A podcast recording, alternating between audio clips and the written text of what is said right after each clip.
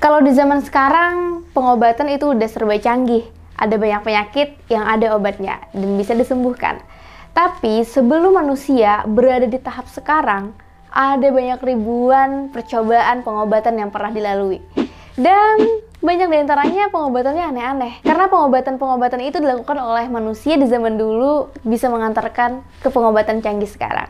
Ini dia pengobatan-pengobatan aneh yang dilakukan oleh manusia di zaman dulu.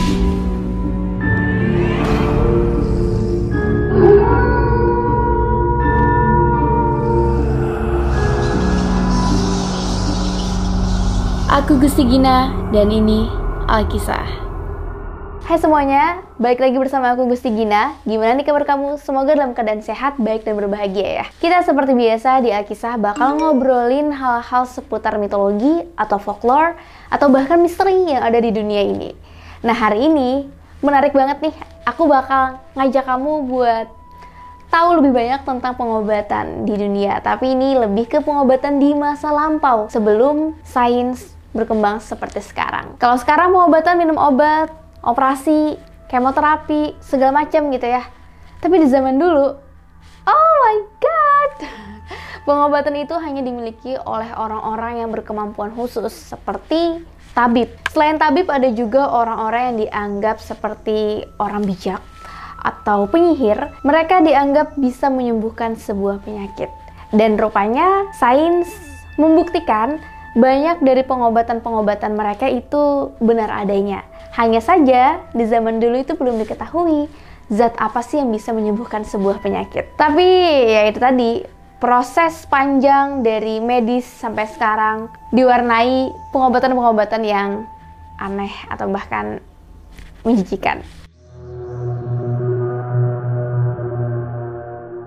Pengobatan di zaman dulu juga sering berkaitan banget nih dengan hal-hal yang berbau sihir atau bahkan hal-hal yang aneh gitu terkait dengan tanaman atau binatang. Sebagian besar memang terbukti di zaman sekarang kalau tanaman-tanaman itu bisa menyembuhkan. Cuman di zaman dulu nggak tahu aja nih nama zat yang bisa menyembuhkan itu. Lalu ada juga penyembuhan cara menyembuhkan gigitan dari anjing. Yang mana dengan menggunakan bulu anjing gila itu. Hmm, aneh juga ya.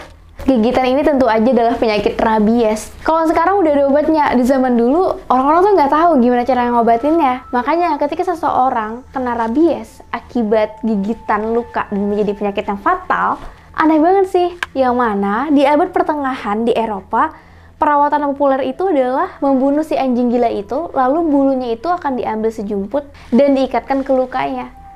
Ya, proses itu aneh tapi juga tidak efektif alias tidak ada gunanya. Kemudian, penyakit yang juga sering banget nih menyerang manusia adalah penyakit kulit. Contohnya kutil. Untuk menyembuhkan kutil, rupanya manusia di zaman dulu tuh banyak banget mencoba berbagai macam hal. Tapi ya, nggak semuanya berhasil.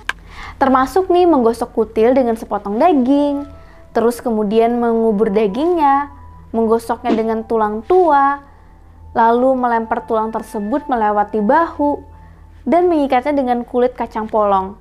Proses lain juga yang gak kalah lucu untuk menghilangkan kutil adalah menyentuhkan kutil dengan katak, dengan harapan kutil itu akan ikut dengan kutilnya katak. Ya, dengan berbagai macam percobaan yang dilakukan manusia untuk menghilangkan kutil, kalian dicoba tuh banyak banget ya. Ada aja sih yang bisa sembuh dari kutil. Tapi itu juga nggak membuktikan proses apa sih yang bisa menyembuhkan kutil secara pasti. Lalu ada juga nih pengobatan yang bisa dibilang aneh, tapi sampai sekarang juga masih ada loh yang praktekannya, yaitu pengobatan dengan sarang lebah. Yap, dengan lebah. Pengobatan lebah ini bisa dibilang aneh dan ajaib ya. Sengatan lebah itu emang terasa sakit sih, karena lebah itu memasukkan racun ke dalam kulit. Nah, mengejutkannya, ternyata racun itu membantu menghentikan peradangan yang dikenal sebagai radang sendi. Di zaman sekarang, itu udah mulai dimengerti nih sama pengobatan modern. Seorang dokter bisa menggunakan suntikan untuk mendapatkan racun di mana dia membutuhkan.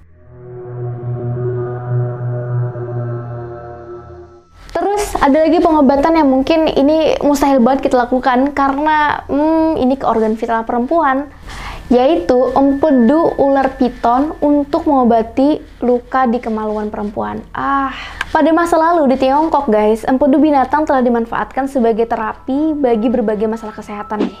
Dan ternyata diketahui secara khusus empedu dari ular piton digunakan untuk mengatasi ulkus atau luka yang terjadi pada bagian kemaluan perempuan. Yang bikin ngeri itu adalah nangkap si ular. Terus nggak kebayang aja makanya gimana. Selanjutnya, ini masih menggunakan empedu binatang. Kalau ini adalah empedu dari gajah. Di zaman dulu, empedu gajah ini digunakan untuk mengobati bau mulut yang tidak sedap. Kalau di zaman sekarang, kita cukup sikat gigi, bakal obat kumur, atau memakan permen, ya kan? Itu bisa bikin nafas kita jadi seger kembali. Tapi di zaman dulu, effortnya itu lebih besar menggunakan empedu gajah.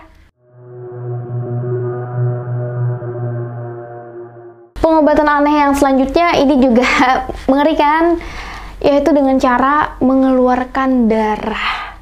What? Salah satu praktik medis di masa lalu yang membuat kita bergidik ya, adalah mengeluarkan darah dari pasien untuk membuang penyakit. Nah, pengobatan ini tuh banyak banget loh dilakukan di Yunani dan Mesir kuno serta Eropa pada abad ke-19. Cara yang dilakukan untuk membuang darah ini adalah berupa mengeluarkan darah secara langsung dengan alat yang terbuat dari besi atau menyedotnya menggunakan lintah. Sayangnya, cara pengobatan ini bisa dibilang sangat berbahaya ya guys, karena dia bisa menyebabkan cedera, luka yang besar, atau bahkan kematian pada pasien. Di lain waktu juga di masa lalu, cara menyembuhkan ambien itu ternyata menyakitkan.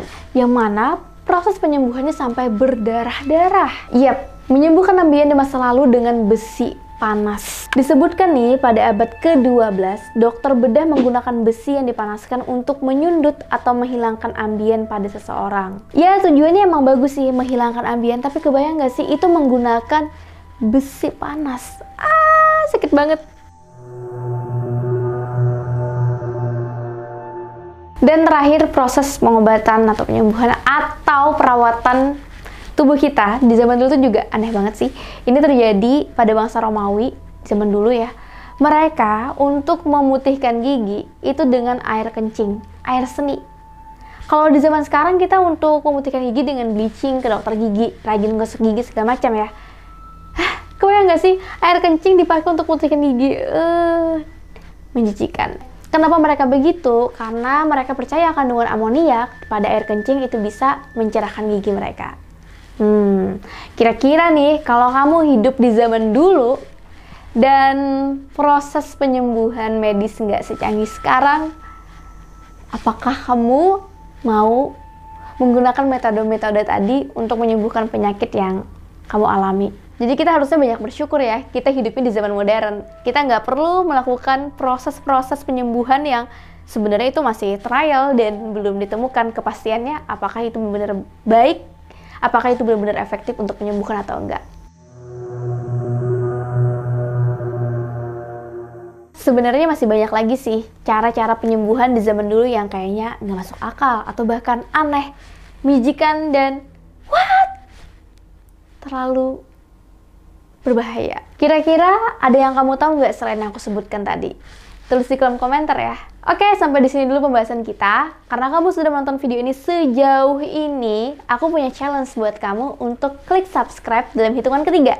Satu, dua, tiga. Biar kamu nggak ketinggalan video-video aku selanjutnya, yaitu video Alkisah, cookies, dan adat yang langsung mendatangkan narasumber untuk bercerita pengalaman misteri dan horor mereka secara langsung di hadapan kalian. Aku Gusti Gina, bye! Hai guys, thank you udah menonton video ini sampai habis. Jangan lupa untuk di subscribe, nyalakan loncengnya, like, comment, dan share. Bantu aku untuk membangun channel ini sebagai channel nomor satu penjelasan mengenai mitologi, horor, dan misteri.